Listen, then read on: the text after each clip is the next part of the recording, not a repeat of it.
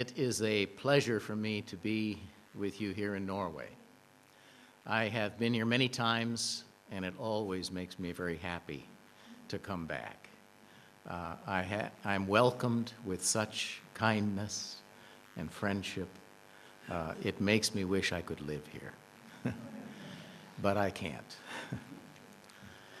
Jeg kunne forsøke å snakke til dere i kveld på norsk. Men det kunne være veldig dårlig for dere. Så det må være på engelsk. Eternal life is at one and the same time grace and the reward given by God for good works and merit. What do you think of those words? Those words were issued by the Vatican one year before the adoption of the Joint Declaration on the Doctrine of Justification in 1999. The Joint Declaration was adopted by the Lutheran World Federation and the Vatican. So, a federation of Lutheran churches and the Roman Catholic Church declare that they have reached consensus on the doctrine of justification.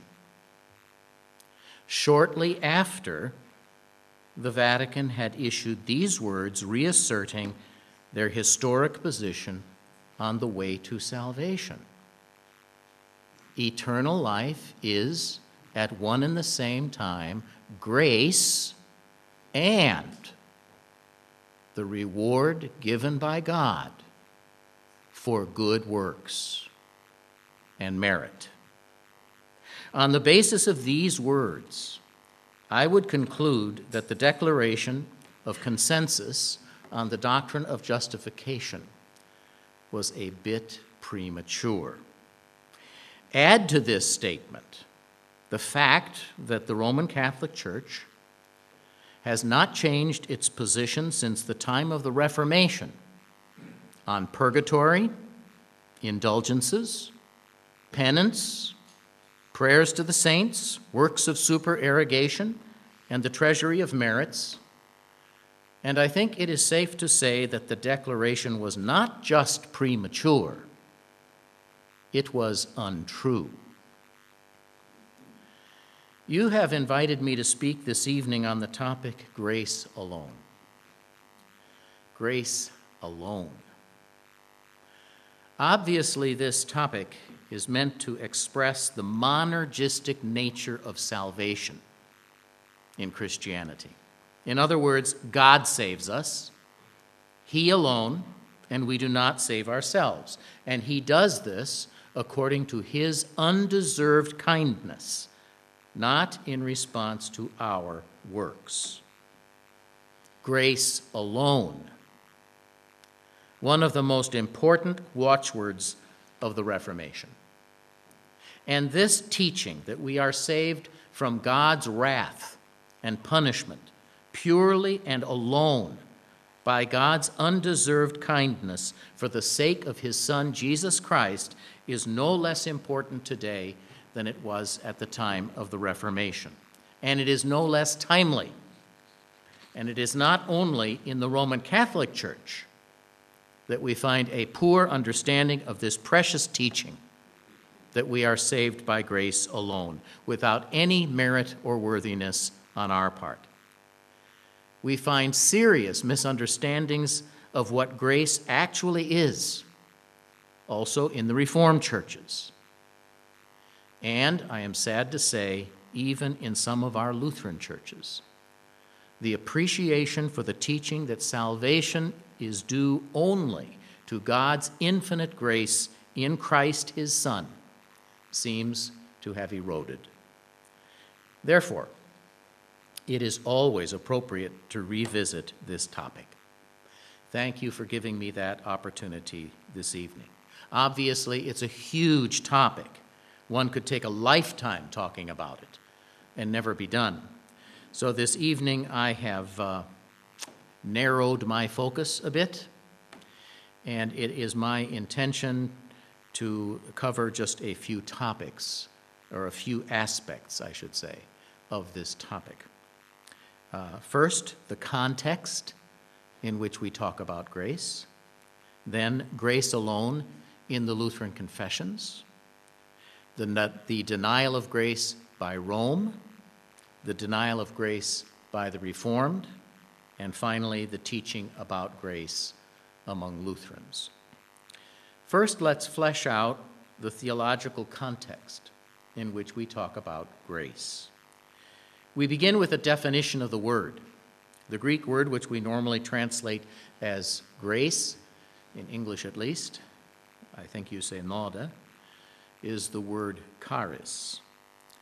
It can be translated grace, or kindness, or mercy, or goodwill.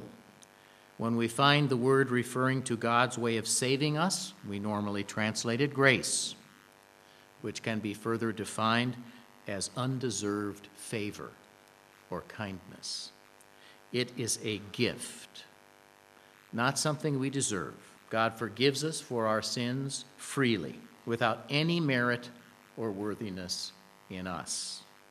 But it is not an arbitrary grace whereby God declares, well, they are evil, but I will forgive them anyway. No, God's grace toward us is located in the person of Jesus, his Son. God is gracious to us only on account of Christ. And apart from Christ, there is no grace. Apart from Christ, we will encounter only God's wrath, never his kindness. But on account of Christ, and because of what he has done for us in his life, suffering, death, and resurrection, God is gracious to us. That is, he forgives us. He is no longer angry at us. He saves us, and he gives us eternal life. Finally, we must talk about faith. How does God's grace become ours? through faith in Jesus. Although Jesus has already done everything necessary to save us, the benefits of what he has done for us become ours only through faith. But even here, it is by grace, since faith itself is also a gift of God. As we who are Lutherans consider this topic of grace alone, let's begin by going back to those confessions which defined the Lutheran position at the time of the Reformation. You remember the major emphases of the Reformation grace alone, faith alone, scripture alone, Christ alone. That word alone is an important word, isn't it, in the history of our Lutheran Church? I'd like to focus for just a few minutes on Melanchthon's use of that word alone in his apology to the Augsburg Confession. Apology, Article 4 of the, the uh, to the, I'm sorry, Article 4 of the Apology to the Augsburg Confession deals with the topic of justification. Justification by grace for Christ's sake through faith. Melanchthon says in Apology 4 For through Christ we come to the Father. And the entire article is meant to demonstrate this simple truth. Through Christ, we come to the Father. Melanchthon is insisting that justification is unconditional. And that means that it is by grace, for Christ's sake. There are no conditions. Melanchthon points out that the opponents of the Reformation objected to the use of the Lutheran word sola, the Latin word sola, which we translate either alone or only. The Lutherans used the word sola, of course, in reference to faith or to Christ or to faith in Christ or to grace, and they always used that word sola to exclude human works. The word sola is an exclusionary word. meant to teach that works have no part in our justification. We are justified only by the merits of Christ, only through faith in Christ, only by grace, not by grace and works. This word sola appears so frequently in Article 4 of the Apology that one cannot help but notice. In fact, it appears no less than 50 times. Another exclusionary word used by Melanchthon in this article is the Latin word gratis, which in English is rendered freely or free, and in two instances, gratis. Do you say that in Norwegian? Gratis? Yeah. So that doesn't need to be translated. Anyway, by insisting that the forgiveness of sins is given to us gratis, freely, for Christ's sake, Melanchthon is again excluding human works as a cause of justification.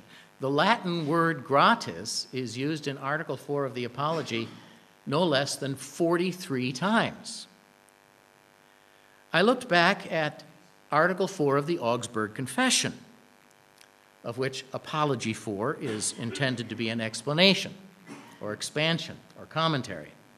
In other words, if you wish to know what is meant by Article 4 of the Augsburg Confession when it talks about justification, then read Article 4 of the Apology.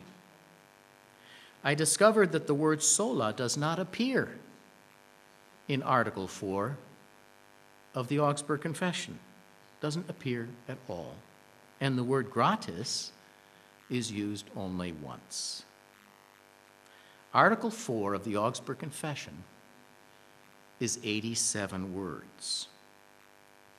The apology uses the words free, freely, only, alone, that is, sola and gratis, 93 times.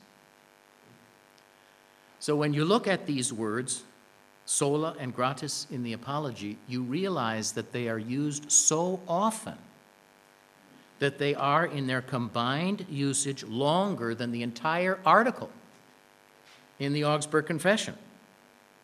And the word gratis is only used once there, and sola not at all. What is the point? The point is this the article of justification is laid out simply and concisely in the Augsburg Confession, briefly, yet with extreme clarity. Melanchthon explains justification.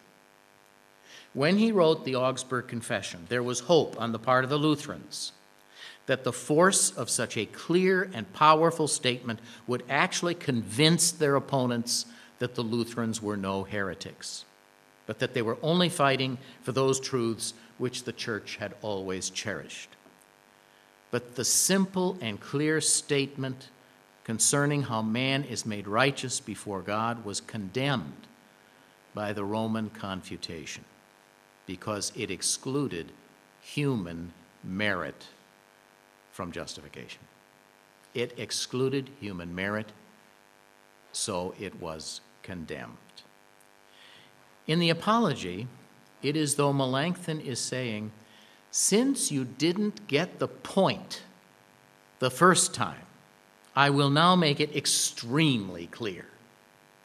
He then uses these exclusionary words, sola and gratis, again and again, so that no one could possibly remain in any doubt concerning the cause of justification. Melanchthon's use in Apology 4 of the phrase lex semper accusat, the law always accuses, is meant to accomplish the same thing and to exclude all human works. Through the persistent use of that phrase, lex semper accusat, the law always accuses. Melanchthon means to drive everyone to despair who continues to look to human ability or virtue or anything else in us as a cause or a partial cause for the achievement of righteousness before God. Melanchthon uses one more device I think I can mention uh, rather frequently. to underline the nature of grace uh, with a twofold emphasis on the glory of Christ and the need for comfort by human beings. This twofold emphasis is seen not only in Apology, Article 4, but also in Melanchthon's Loci Communes.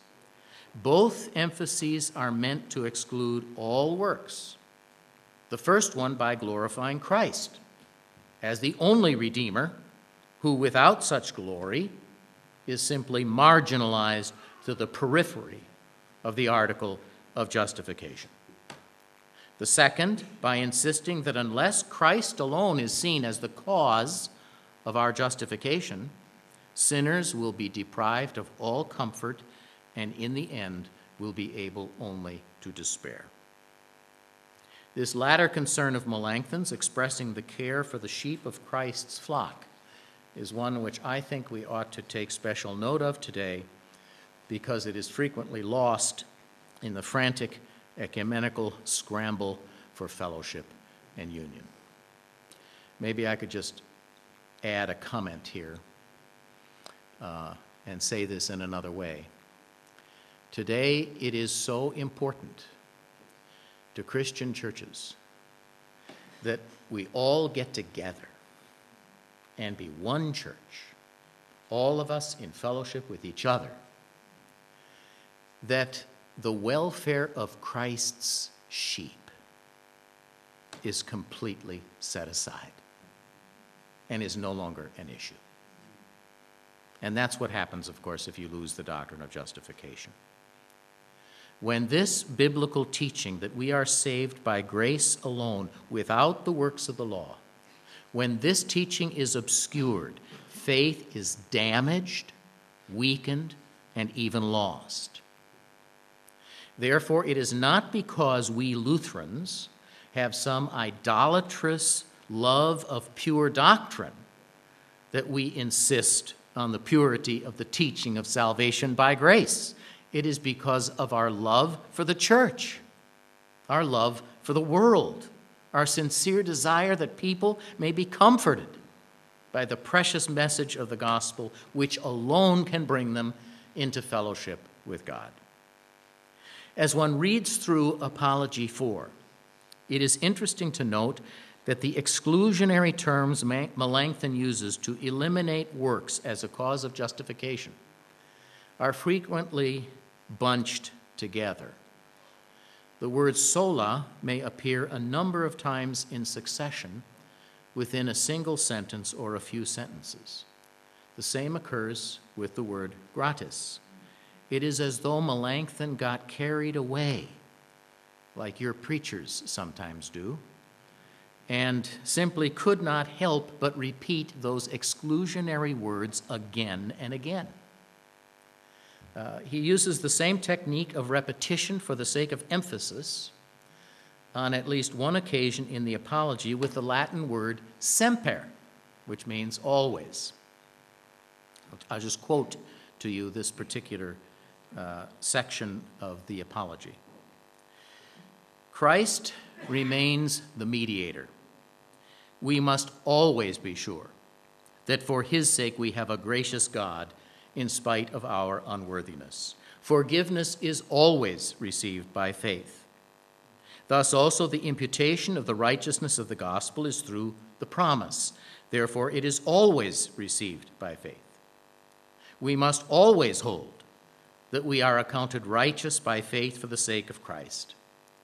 If those who are regenerated are supposed later to believe that they will be accepted because they have kept the law, how can our conscience be sure that it pleases God, since we will never satisfy the law? Therefore, we must always go back to the promises.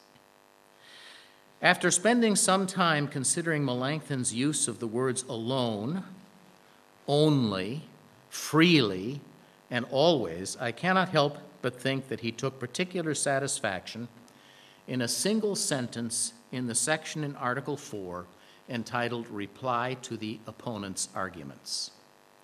There he writes very concisely Justification is something that is promised. Excuse me, let me start over. Justification is something that is only promised freely because of Christ, and therefore it is always received before God by faith alone. Short sentence two solas, one gratis, and one semper. Melanchthon's language in his Loci Communes and especially in Article 4 of the Apology is very carefully chosen. His intention is to comfort, comfort sinners with the gospel.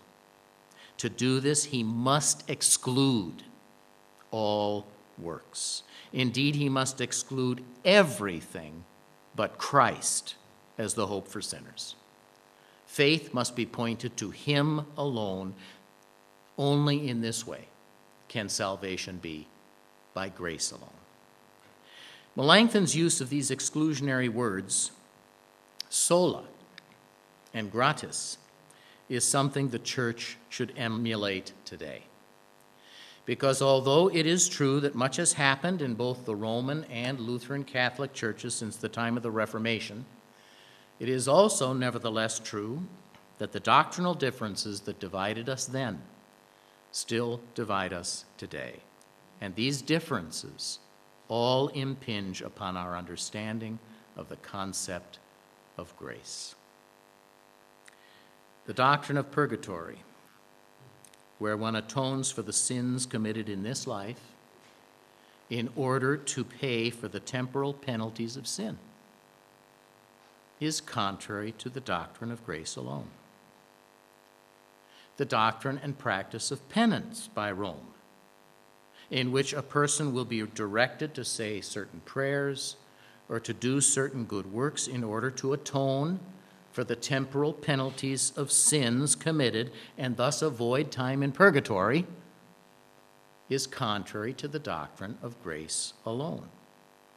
The Roman view of the Mass, in which the priest offers Christ as an unbloody sacrifice for the sins of the living and the dead, thus implying that Jesus' sacrifice on the cross is not completely sufficient to achieve our atonement is contrary to the doctrine of grace alone. And we could go on and speak of indulgences, the treasury of merits, and so on. But we should not think that it is only in Rome that we find teachings that violate the Scripture's message of salvation by grace alone. Such teachings are prominent also in the Reformed churches, and in our case in the United States among the so called evangelicals when it is taught that baptism is something we do to show our commitment to God and our love for Him, this is to transform a gift of God into a human work. And it is also to deprive us of the grace that God pours into holy baptism. If it is a work, it is no longer grace. In Acts 2 38 to 39, the Apostle Peter speaks of a twofold blessing of baptism the forgiveness of sins and the gift of the Holy Spirit. But when baptism no longer focuses on what God does for us and becomes instead a sign of our obedience to Him, these precious gifts are lost, and God's people are deprived of grace. A number of years ago, I served as chairman of our church's colloquy committee. Uh, and as the chairman, I was responsible for arranging interviews and then conducting interviews with pastors in other church bodies who had decided they wanted to be pastors in the Lutheran Church Missouri Synod. So their theological positions had changed, they wanted to continue being pastors, but they wanted to be in a church which they believed taught the truth. So I would arrange uh, for those interviews. One of the men we interviewed was a pastor in the Reformed Church in America. In one of my questions to him, I pointed out that in his church, people do not attend the Lord's Supper to receive the body and blood of Jesus. They do not attend the Lord's Supper to receive the forgiveness of sins. Why then do they attend? I asked him.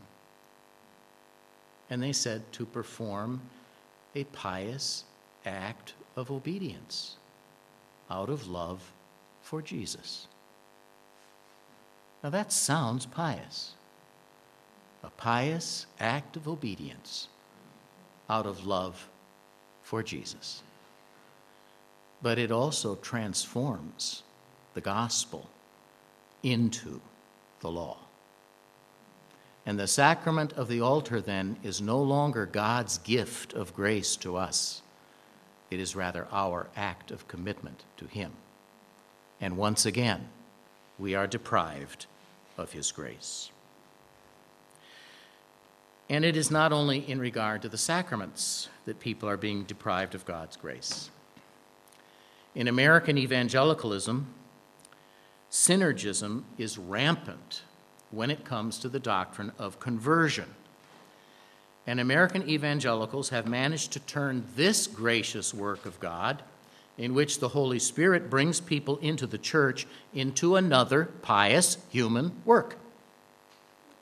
Permit me to quote from one of the most well known American evangelicals, Billy Graham, in his book, How to Be Born Again.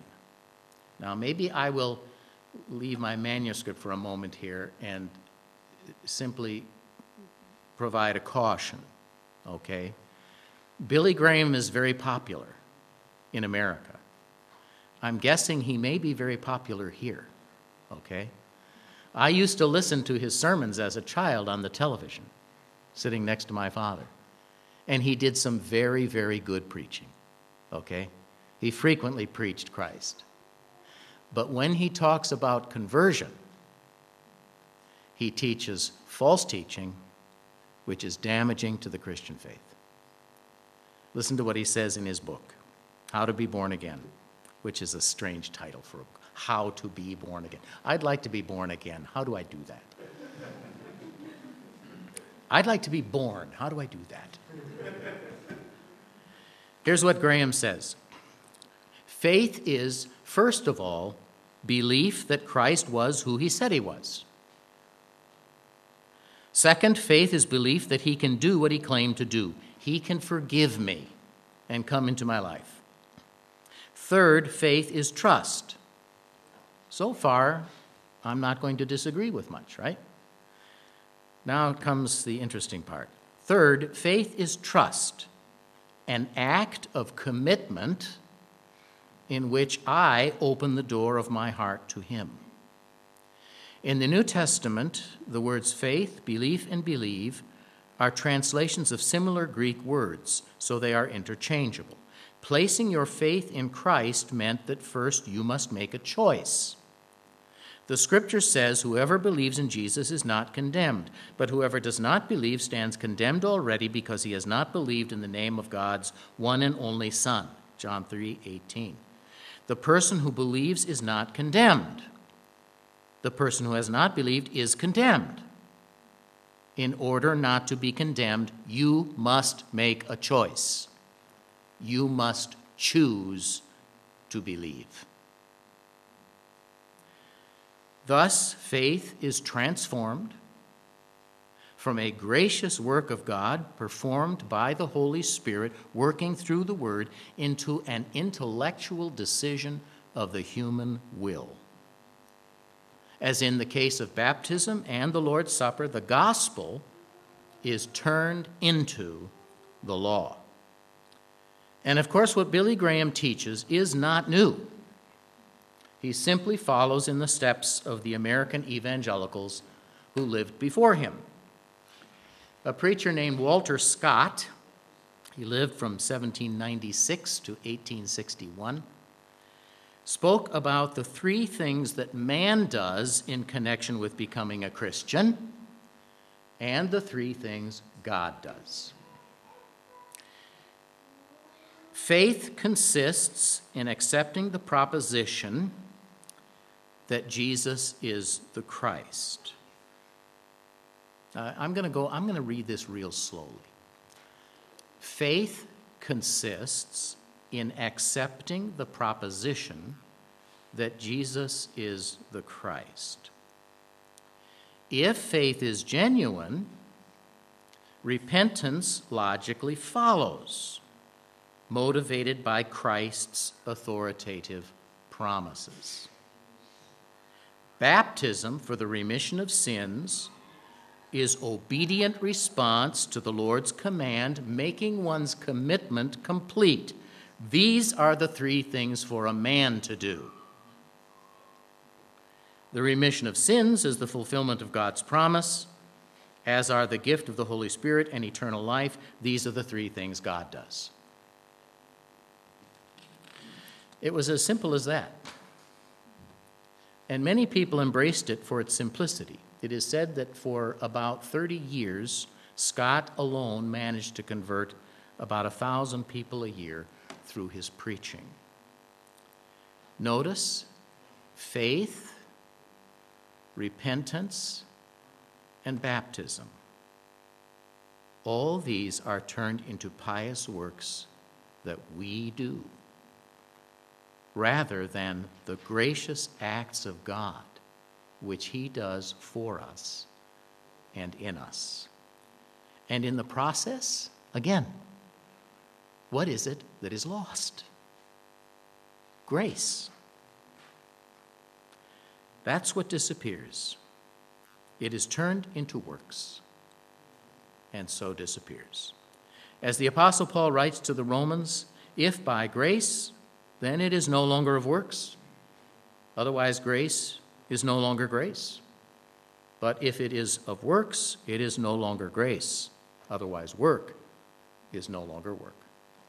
So, what do you want? Grace or works? You have to choose. Just kidding.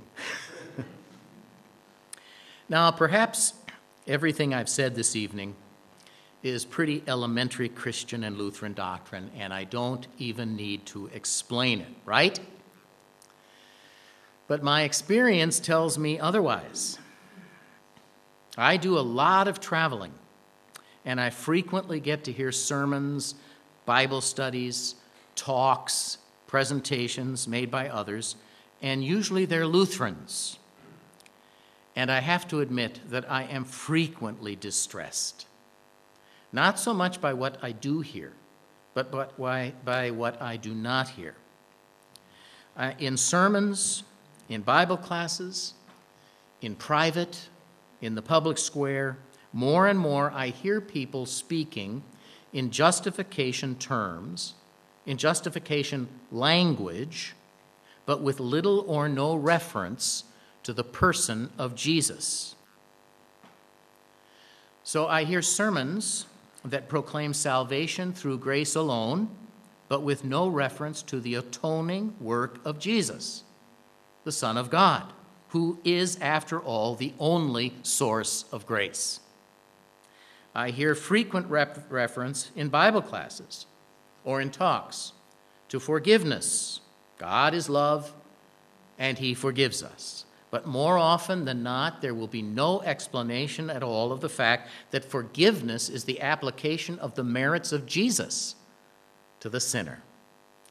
I hear numerous expressions of hope that God's peace will come to people. Yet again, repeatedly, the concept that God has been reconciled to us and that he is at peace with us remains separated from the proclamation that only through the suffering and death of the Son of God can God's anger be assuaged and the enmity between God and man taken away. I hear sermons and lectures given on God's love for us, but with no reference to the fact that the expression of his love toward us is proclaimed in the sending of his Son so that whoever believes in him might not perish, but have eternal life. In other words, it appears that among many today, the proclamation of the gospel is becoming more and more unclear, and therefore the understanding of God's grace is becoming less certain. And I don't know why this is among Lutherans who appear to be Orthodox. Maybe they're embarrassed to talk about Jesus. I don't know. Perhaps pastors are spending too much time on the internet, that they don't have adequate time to prepare. Perhaps in many seminaries, pastors being trained for the ministry are taking less courses in biblical theology and more sociology courses, socio political courses, administration, counseling, and so on. Perhaps pastors are simply not being taught how to teach. I don't really know the reason for what I have experienced, but I do know that when our attention in preaching and teaching is not focused intensely on the person of Jesus, who is the Savior, the message of grace will not be heard. There's no grace without Jesus. Let me make two more observations about the preaching of the gospel uh, before I conclude. The gospel has not been preached if somebody preaches about Jesus, but does not tell me that because of what Jesus has done, I have been forgiven. It is fine to teach about the Trinity, the two natures in Christ, Jesus' threefold office, Jesus' miracles, his death, his resurrection. But all of this helps me little if I do not know that everything he did, he did to bring me forgiveness. That's what grace is all about the forgiveness of sins. Martin Luther says in his small catechism where there is forgiveness of sins, there is life and salvation. Conversely, where there is no forgiveness of sins, there is no life and salvation. I am a sinner. I need forgiveness. It is not enough to preach to me about Jesus. I need to hear that Jesus came to forgive me. Without the knowledge of this forgiveness, I will not know about God's grace. Jesus may be portrayed as a wonderful example, a powerful worker of signs and wonders, a prophet, a preacher, a king. Yes, he may be portrayed as the very Son of God himself and the second person of the eternal and almighty and glorious Trinity. But none of this information helps me if I do not know that I am forgiven. I am a sinner. I need forgiveness. Without forgiveness, I will stand before God, clothed in my own sin and guilt and shame, and I will despair. I am a sinner. Please give me forgiveness. Don't preach to me about Jesus without telling me why he came namely, to forgive me and to save me and to bring me to everlasting life. Secondly, don't talk to me about forgiveness without talking to me about Jesus as the source of that forgiveness. God does not forgive me in some abstract way apart from Jesus.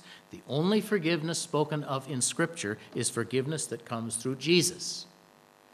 Jesus himself says, You search the Scriptures because you think you have eternal life in them, and they testify about me. He is the heart and soul and center of the Bible, and the Bible was written in order that you and I might hear its message, read its message, and learn that through Jesus we are forgiven. Forgiveness comes only through Him. We believe in salvation by grace alone, but there is no grace apart from Him. Only Jesus is the Son of God who took on human flesh to be the Savior of the world. Only Jesus kept the law perfectly as our substitute. and did what we could not do. Only Jesus took upon himself your guilt and mine and went to the cross bearing our shame and dying the death that belonged to you and me and should have been ours. Only Jesus was punished for the sins of all the world. Only Jesus raised himself to life again so that all who believe in him might then live through him and rise from death to life. All of these things are necessary for our salvation, and only Jesus has done these things. Nobody else has done any of these things. And therefore, it is only Jesus who has the power to give eternal life to all who believe in him. Forgiveness is available only through him. So don't preach to me about forgiveness unless you preach to me about the one who brings it. The doctrine of grace is incomprehensible apart from the teaching of forgiveness, and the doctrine of grace is impossible without the person and work of Christ. The Apostle Paul says in his letter to the Galatians, Far be it from me to boast except in the cross of our Lord Jesus Christ. We boast in Christ. We take our joy in Christ. But this boasting and this joy, you will notice, are not in Jesus' miracles. They are not in his supposedly wise teaching. They are not in his fine example. Where are they? They are in his cross, because in his cross we find forgiveness. That's what he was doing there, taking upon himself our guilt and taking it away. We are sinners. We know it, every one of us. But in his cross, we find everything we need because there we find forgiveness. And where there is forgiveness, there is also life and salvation. That's what it means to believe in salvation by grace alone. It means we have Christ, the Son of God, and having Him, we have forgiveness for all of our sins, eternal life in God's kingdom, and salvation from every evil of body and soul. Amen.